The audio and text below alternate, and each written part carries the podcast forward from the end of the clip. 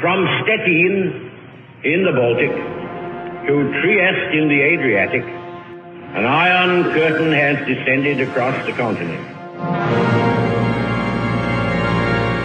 Robeža starp austrumiem un rietumiem, starp padomju totalitārisma un brīvo pasauli. Dzels priekškars. Pirms 80 gadiem tas nolaidās pār mūsu reģionu, pirms 30 gadiem tas krita. They rushed over to us and said, Well, 10 minutes before the wall came down at Bornholmer Straße. Un tomēr dzelzs priekškars joprojām met savu ēnu mūsu šodienā. Mūsu reģiona valstu vēsture augstā kara laikmetā un pēc padomju totalitārisma sabrukuma raidījumu ciklā Dzelzs priekškara ēnā.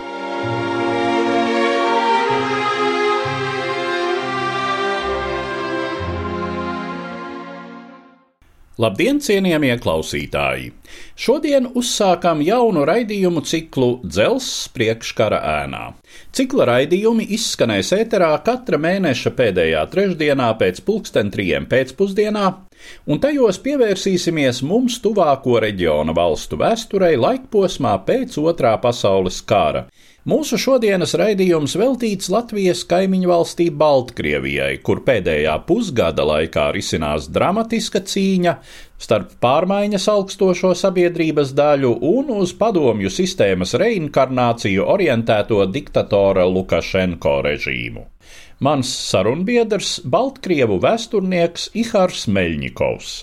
Mans pirmais jautājums Iharam - kāpēc otrā pasaules kara veidojās attiecības starp divām Baltkrievijas daļām, kuras starpkaru periodā atradās dažādās valstīs, proti Austrum Baltkrievija Padomju Savienības, Rietum Baltkrievija Polijas sastāvā? Нужно понимать, что если, например, раздел, вот это вот понимание Восток-Запад э, был очень мощный в э, Украине, когда была Галиция, Западная Украина и Восточная Украина, И там, например, та же самая Галиция, э, часть Западной Украины, очень долго находилась в составе европейской цивилизации, то то, что э, вся Беларусь была в составе Российской империи, оно свой, свой отпечаток наносило. Вот то же самое... Jāsaprot, ka izpratne par dalījumu austrumos un rietumos ir ļoti spēcīga Ukrainā, kur bija Galīcija, Rietumu-Ukraina un Austrumu-Ukraina. Galīcija un daļa Rietumu-Ukrainas ļoti ilgu laiku bija Eiropas civilizācijas daļa. Savukārt tas, ka visa Baltkrievija tomēr bija Krievijas impērijas sastāvdaļa, sastāvdaļa, atstāja zināmas pēdas. Tajā pašā otrajā Rečpospoļitā, tas ir starpkara polijā, turpināja darboties dažas Krievu Baltkrievu organizācijas, un pilnībā izdaldēt Baltkrievu garu Rietumu Baltkrievijā neizdevās. Pie tam poļi zaudēja cīņu par Baltkrieviem, kas šajā ziņā bija nacionālā cīņa, jo starpkara polijā dzīvojošie Baltkrievi savu vienojošo centru redzēja Minskā, nevis Varšavā. Un, kad ieradās bolševiki, protams, dzīves līmenis abās teritorijas daļās bija atšķirīgs, bet tajā pašā laikā bija diezgan daudz kopīga. Un tad sākās Otrais pasaules karš, kam, protams, bija sava specifika. Baltkrievijas republikas rietumos pirmajās pēckara desmitgadēs, protams, atšķīrās ar savu reliģiozitāti. Baltkrievijas austrumos viss reliģija tika iznīcināta pārdesmit gadus agrāk. Visi dievnami baznīcas tika likvidētas. Baltkrievijas rietumos, kas bija polijas sastāvā, tas nenotika. Tā piemēram, Grodņas svētās jaunavas Marijas katedrālu uzspridzināja tikai 1961. gadā pēc Nikitas Hruščova pavēles. Baltkrievijas rietumdaļas sovietizācija turpinājās pēc kara, jo pirmajos divos padomju varas gados neko daudz bolševiku šai ziņā nepagūda, pat kolektivizāciju nepaspēja īstenot. Pirmkārt, pēckara sovietizācija skāra ekonomisko dzīvi, otrkārt, turpinājās represijas. Notika tā sauktās Anders armijas karavīru izsūtīšana. Tie bija bijušie Polijas armijas karavīri, Baltkrievi, kur bija karojuši ģenerāļa Vladislava Andersa komandētajā poļu korpusā Britu armijas sastāvā Āfrikā, Itālijā un Nīderlandē. Pēc kara viņi atgriezās mājās Baltkrievijā, bet starp 49. un 51. gadu viņus izsūtīja kopā ar visām ģimenēm. No otras puses, dažos Baltkrievijas rajonos notika cīņa pret tā saucamo pagrīdi. Poļesis rajonā Baltkrievijas dienvidos darbojās Ukrainas sacelšanās armija UPA, Polijai tuvākajos apgabalos poļu pretestība no armija Krajova un organizācijas Voļnašķiņizevis Lošķi. Lietuvas pierobežā Lietuvas nacionālie partizāni jeb meža brāļi. Baltkrievijas austrumdaļā nekādas pretpadomju pretestības nebija. Tā, protams, bija daudz padomiskāka teritorija. Protams, ļoti nozīmīgs moments bija cilvēku zaudējumi Otrajā pasaules karā. Oficiāli tiek uzskatīts, ka katrs trešais Baltkrievs gāja bojā. Tika iznīcināta ļoti liela daļa mūsu iedzīvotāju, un tas bija ļoti smags trieciens līdz tam pastāvējušajai zemnieciskajai Baltkrievu tautai. Pirmo triecienu tai deva padomu kolektivizācija. Karš bija nākamais trieciens. Šis process ļoti spēcīgi ietekmēja valsts nākotni. Vēlāk, kad jau 60. gados lauku ļaudis sāka pārcelties uz pilsētām.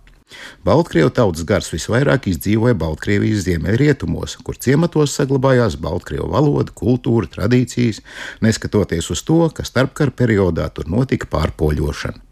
Tomēr tur Baltkrieviskais izdzīvoja vairāk nekā Austrumbaltkrievijā, kur viss pamatīgi izdedzināja rusifikāciju.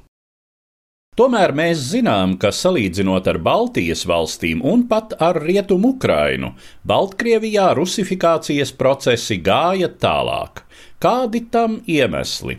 Причины, опять же, нужно искать э, не в послевоенном времени, не столько, скажем, в послевоенном времени, сколько в довоенном времени, период становления попыток, вернее, создания белорусской государственности, 18 год, Белорусская Народная Республика, которая не получилась в смысле э, независимого государства, но которая заявила о том, что белорусы э, могут и имеют право свое государство иметь. В связи с этим... Iemesli jau atkal meklējam vairāk pirmskara, ne pēckara vēsturē, sākot ar valstiskumu izveidas mēģinājumu 1918. gadā ar Baltkrievijas Tautas Republiku, kur neizdevās kā neatkarīga valsts, tomēr pasludināja, ka Baltkrieviem ir tiesības uz savu valsti.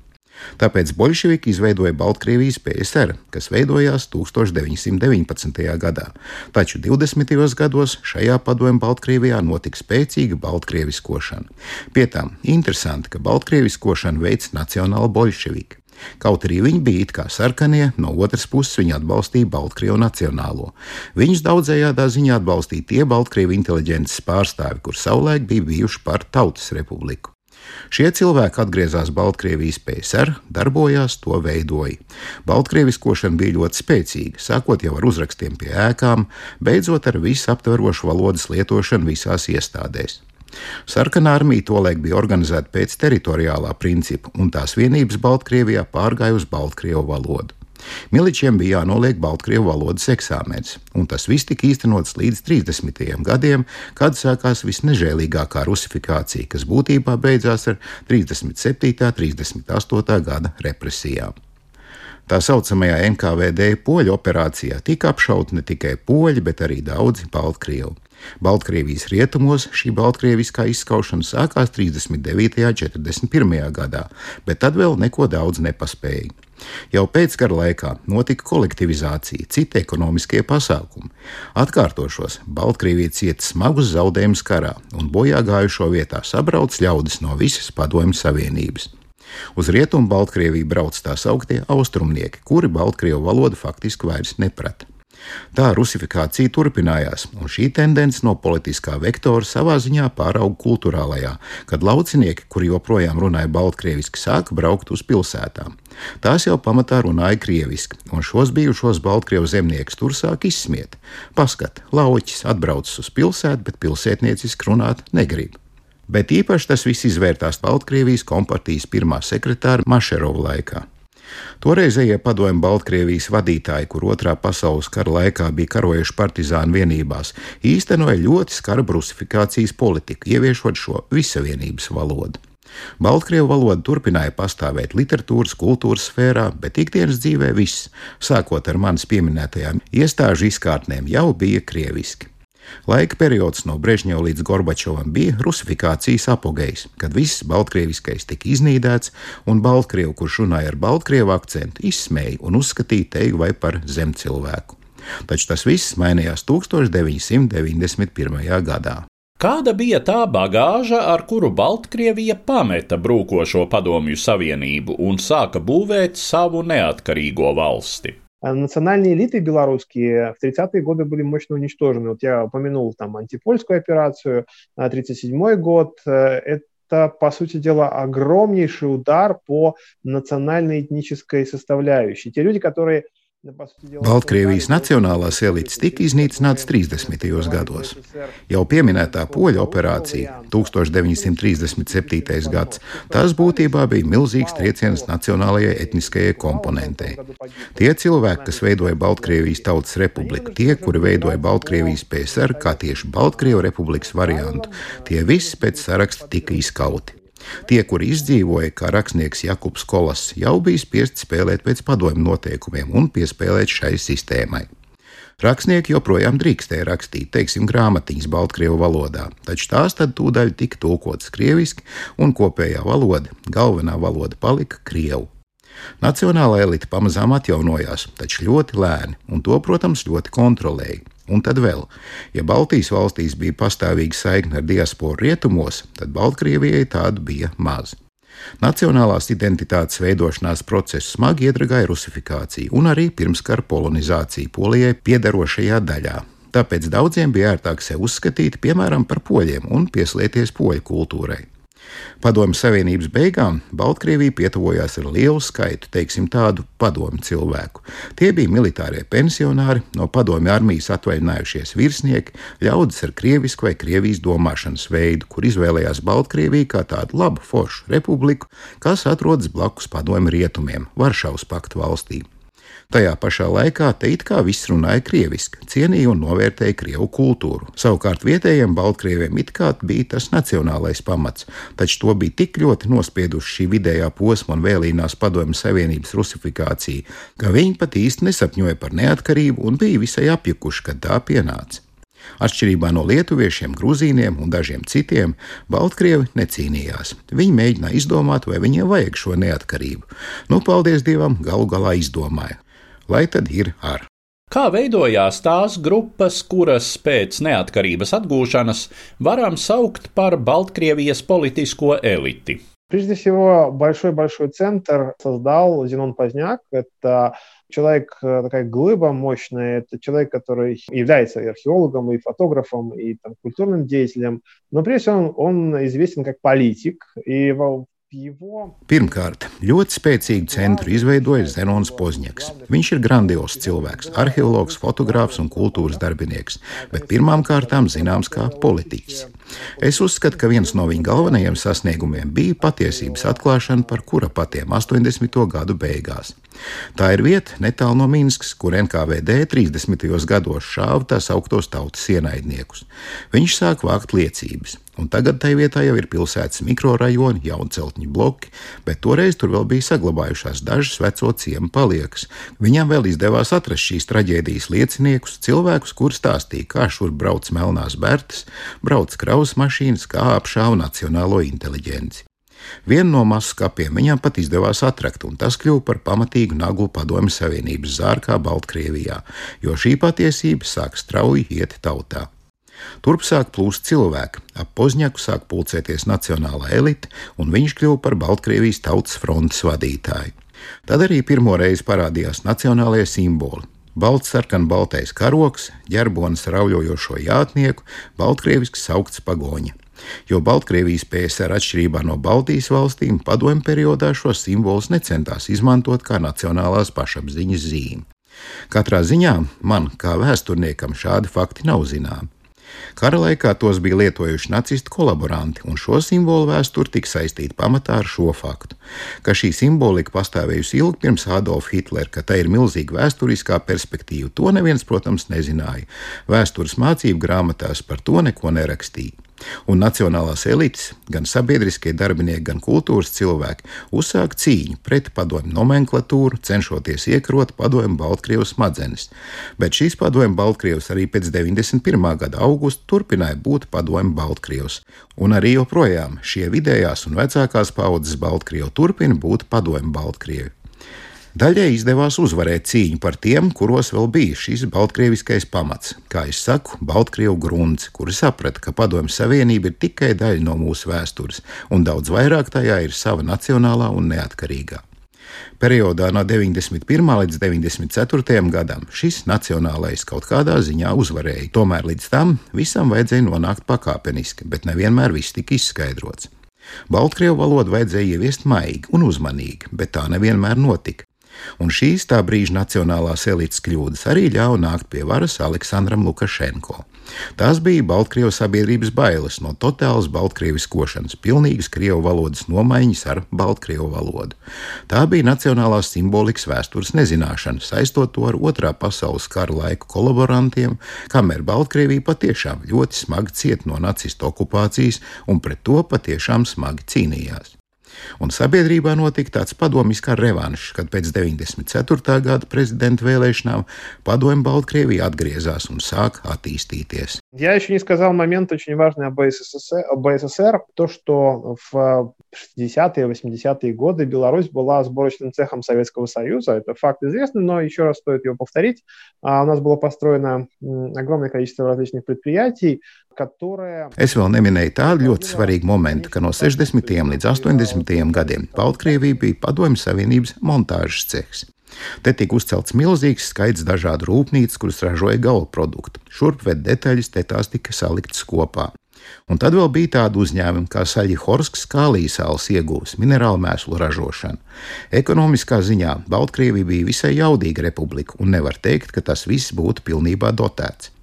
Padomju Savienības krīze un sabrukums iespaidoja to, ka daudz kas tika slēgts un likvidēts, un Lukašenko nāca pie varas arī ar tādiem lozungiem, kas arī tagad tiek aktīvi izmantoti, ka mēs neko neesam slēguši, neko neesam iznīcinājuši, visu esam centušies reanimēt un esam uzbūvējuši sociālu valsti. Pamats viņa atbalstam 94. gadā bija, protams, lauki, bet arī pilsētas. Viss, kas bija noguruši no tā saucamā mežonīgā kapitālisma, no trūkuma, no jucekļa, no nesaprotamā sabrukuma. Cilvēki nesaprata neatkarības vērtību, bija pieraduši dzīvot padomju situācijā, kad noteikti ir garantēts kaut kāds dzīvoklis, kaut kāds darbs, ja vien tu liek neliks acīs. Nacionālajie motīvi, nacionālā ideja, tas jau nav tik svarīgi. Izdzīvot taču var arī bez tās, bet jūsu ģerbonu uz maizes neuzsmērēs. Šādā domāšanā tad balstījās tās pārmaiņas, kas notika pēc 94. gada. Tika nomainīta simbolika, pamatojot ar to, ka tādu lietojuši nacistu kolaboranti. Opozīcijas partijas, tāpat Baltkrievijas Tautas fronte, centās aizstāvēt savas pozīcijas, taču toreiz pirmkārt nebija tādu masu saziņas līdzekļu kā šodien, un otrkārt ļaudis paši nesaprata, par ko būtu jācīnās ka Baltkrievu valoda, kultūra un tradīcijas ir neatkarības pamats. To tolaik neviens neskaidroja. Pie tam Lukašenko oponents pirmajās vēlēšanās bija Kebičs, vecās padomju partijas elites pārstāvis. Augstākās padomas priekšsēdētājs bija Šuškevičs, arī cilvēks ar padomju nomenklatūras pagātni. Savukārt Lukašenko bija, kā mēs tagad smējamies, krietnes saimniekotājs, kolhozas priekšsēdētājs, Cilvēks, kurš guva ļoti lielu tautas atbalstu ar korupcijas apkarošanas un sociālas valsts celtniecības idejām. Un šīs atbalsts saglabājās diezgan ilgi, var teikt, ka vismaz līdz 21. gadsimta sākumam. Tas, ka Lukašenko likmi ir uz padomiskā saglabāšanu, savā ziņā bija pamatoti, bet no otras puses pilnīgi aplami, Pareizi tas bija no tā viedokļa, ka, teiksim, padomju laika arhitektūra, Staļina ampīrs Minskā, daži padomju pieminekļi otrā pasaules kara notikumiem, tā ir organiska Baltkrievijas daļa, kurai nav jāķers klāt un jāvāc nost, jāiznīcina. Analizēt, rādīt patiesību, jā, bet ne strikti noliegti. Bet no otras puses, padomju savienības vairs nav. Austrumos Krievija jau būvē pilnīgi citu valsti, impēriju, par paraugu vairāk ņemot man domāt Krievijas impēriju, nevis Padomju Savienību, lai gan arī tās mantojums turpina dzīvot. Ziemeļos mums ir valstis, kas jau ir Eiropas Savienībā, dienvidos - Ukraina, kas arī šķiet jau bija izdarījusi savu izvēli pat vēl pirms Krimas aneksijas, un Baltkrievija ir palikusi tāda pēdējā Padomju Savienības atlūze. Tā ir liela pašreizējās valdības problēma un kļūda, jo savulaik bija iespēja padarīt par valsts pamatu nacionālo, stiprināt nacionālo, un tad šodien viss noritētu daudz vieglāk. Vai varam iezīmēt vienu noteiktu momentu, kurā Lukašenko režīms vairs nebaudīja pietiekamu sabiedrības atbalstu un ķērās pie represijām, pie spēka struktūru izmantošanas kā galvenā varas noturēšanas līdzekļa? Задавливание оно присутствовало практически сразу. Там, 96 год, когда парламент там был разогнан, заменен, и борьба с оппонентами, там, 99 год, про исчезновение оппонентов – Но общество так не особо за этим следило. Может быть, Минск следил, но Беларусь... Opozīcijas apspiešana. Tā notika jau praktiski no paša sākuma. 1996. gads, kad tika padzīts un nomainīts parlaments. 99. gads - oponentu pazušana. Bet sabiedrība šiem jautājumiem īpaši nesakoja. Minska var būt, bet Baltkrievija kopumā īpaši nesatrauc pazudušā opozicionāra Gančara liktenis, vēlāko opozicionāru mešanu cietumos. Jā, kaut kur fonā tas bija, bet sabiedrība neizrādīja lielu interesi par nepieciešamību mainīt visu struktūru. Un no otras puses, var pakāpeniski tā sacīt, tērpās bronzā, saprat, ka tai ir spēks un necentās evolucionēt, necentās likt likmu uz nacionālo, paļaujoties, ka jebkurā gadījumā ar spēku varēs noturēties. Un par īsto pagrieziena punktu, par nopietnu trauksmes zvanu tiešām kļūst tikai 2020. gada 9. un 10. augusta notikumi. Pirmām kārtām tās ir vardarbīgās represijas pret cilvēkiem, kuri iznāca ielās, nepiekrītot vēlēšanu rezultātiem. Pirms 9. augusta daudz vēl bija gatavi atbalstīt esošo sistēmu stabilitātes labad, atmest ar roku un teikt, labāk, lai man ir tie mani 150 eiro pensijas, nekā visi šie satricinājumi, ko tie mums labu dos bet kad atklātībā nonāca tie kadri, kad sāk arestēt, aizturēt vienkārši par nacionālo baltsarkanu balto karogu, par runāšanu Baltkrievu valodā, tas daudziem atvēra acis un lika aizdomāties. Kas bija galvenie faktori, kas noteica, ka tieši šie protesti kļuva daudzkārt jaudīgāki nekā agrākie, un ka tie faktiski liek apšaubīt Lukašenko režīma dzīvot spēju? Я всегда говорю, как историк, белорусам не хватало своего междувоенного двадцатилетия.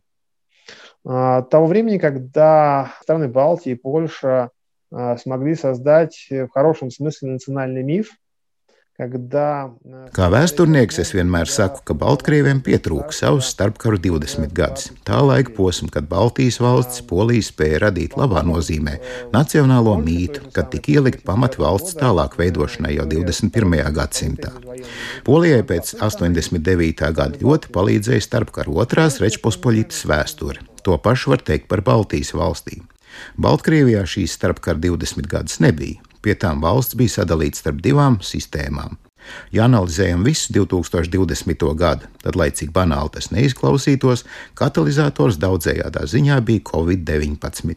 No vienas puses bija diezgan savdabīga varas attieksme. Kas nu tā vispār par slimību?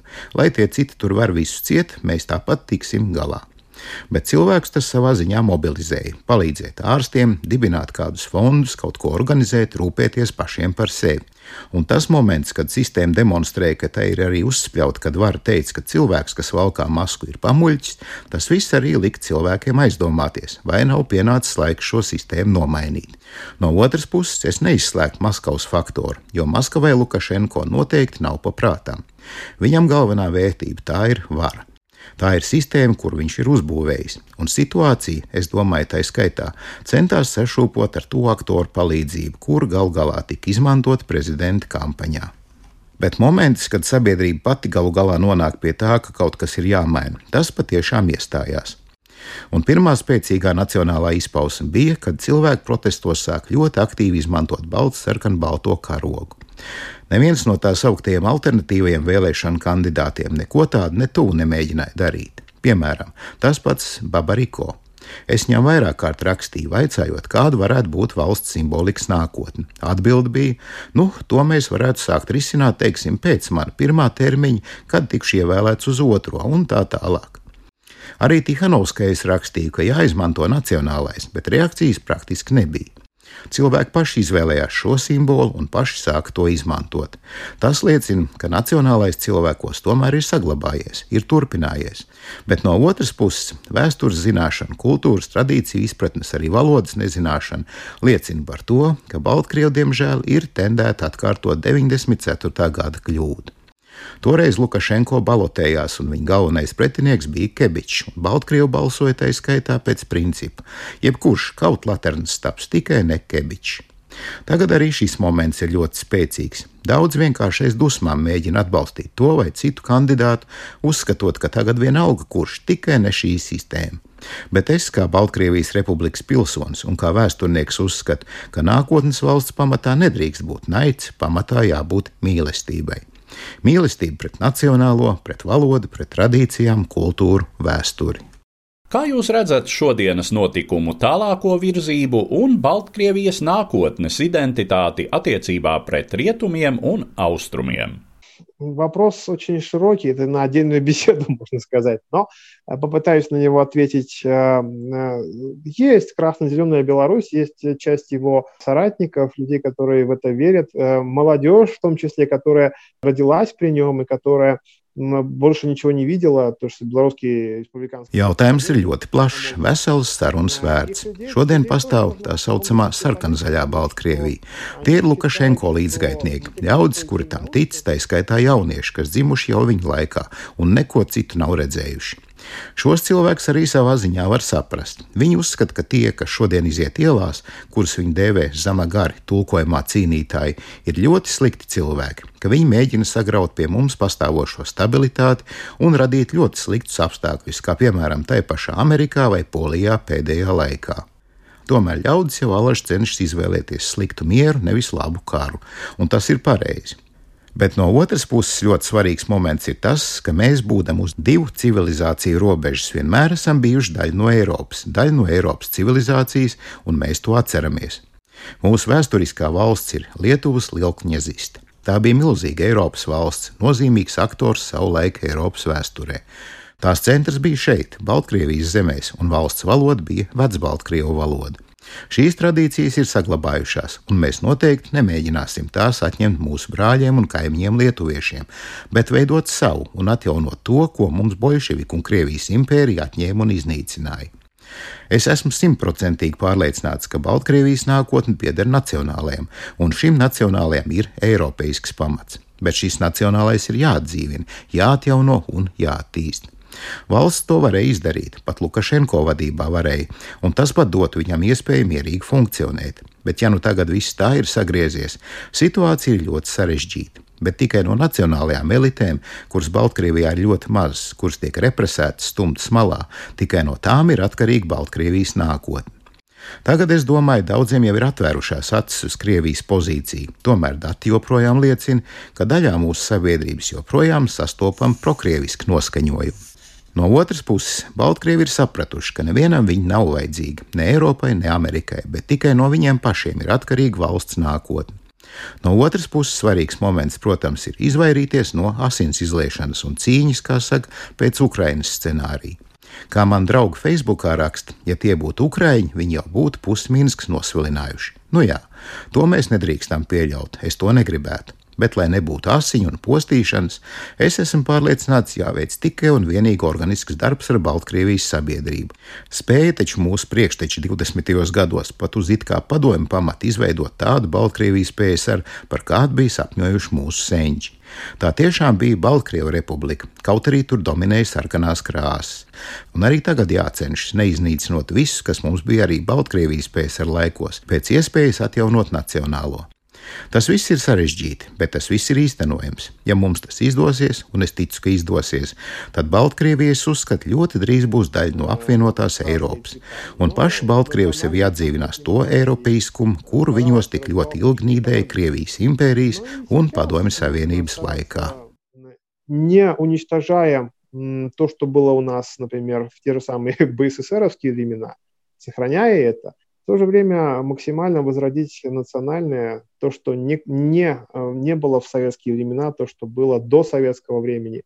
И вот это все сложно, но это все реализуемо. Если у нас это получится, я уверен, что у нас это получится, то Беларусь э, будет очень в скором времени, я считаю, что в скором времени частью Объединенной Европы.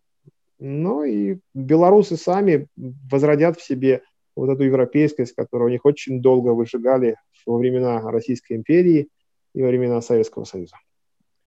Līdz ar to izskan raidījums, kurā pievērsāmies Baltkrievijas vēsturei pēc Otrā pasaules kara. Mans sarunbiedrs - Baltkrievu vēsturnieks Ihārs Meļņikovs.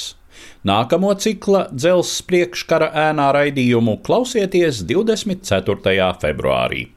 Uz redzēšanos, cienījamie klausītāji! Cik platu ēnu joprojām met pirms 30 gadiem kritušais dzelzs priekškars? Mūsu reģiona valstu vēsture padomju totalitārisma periodā un pēc šīs sistēmas sabrukuma - raidījumu ciklā Dzels priekškara ēnā.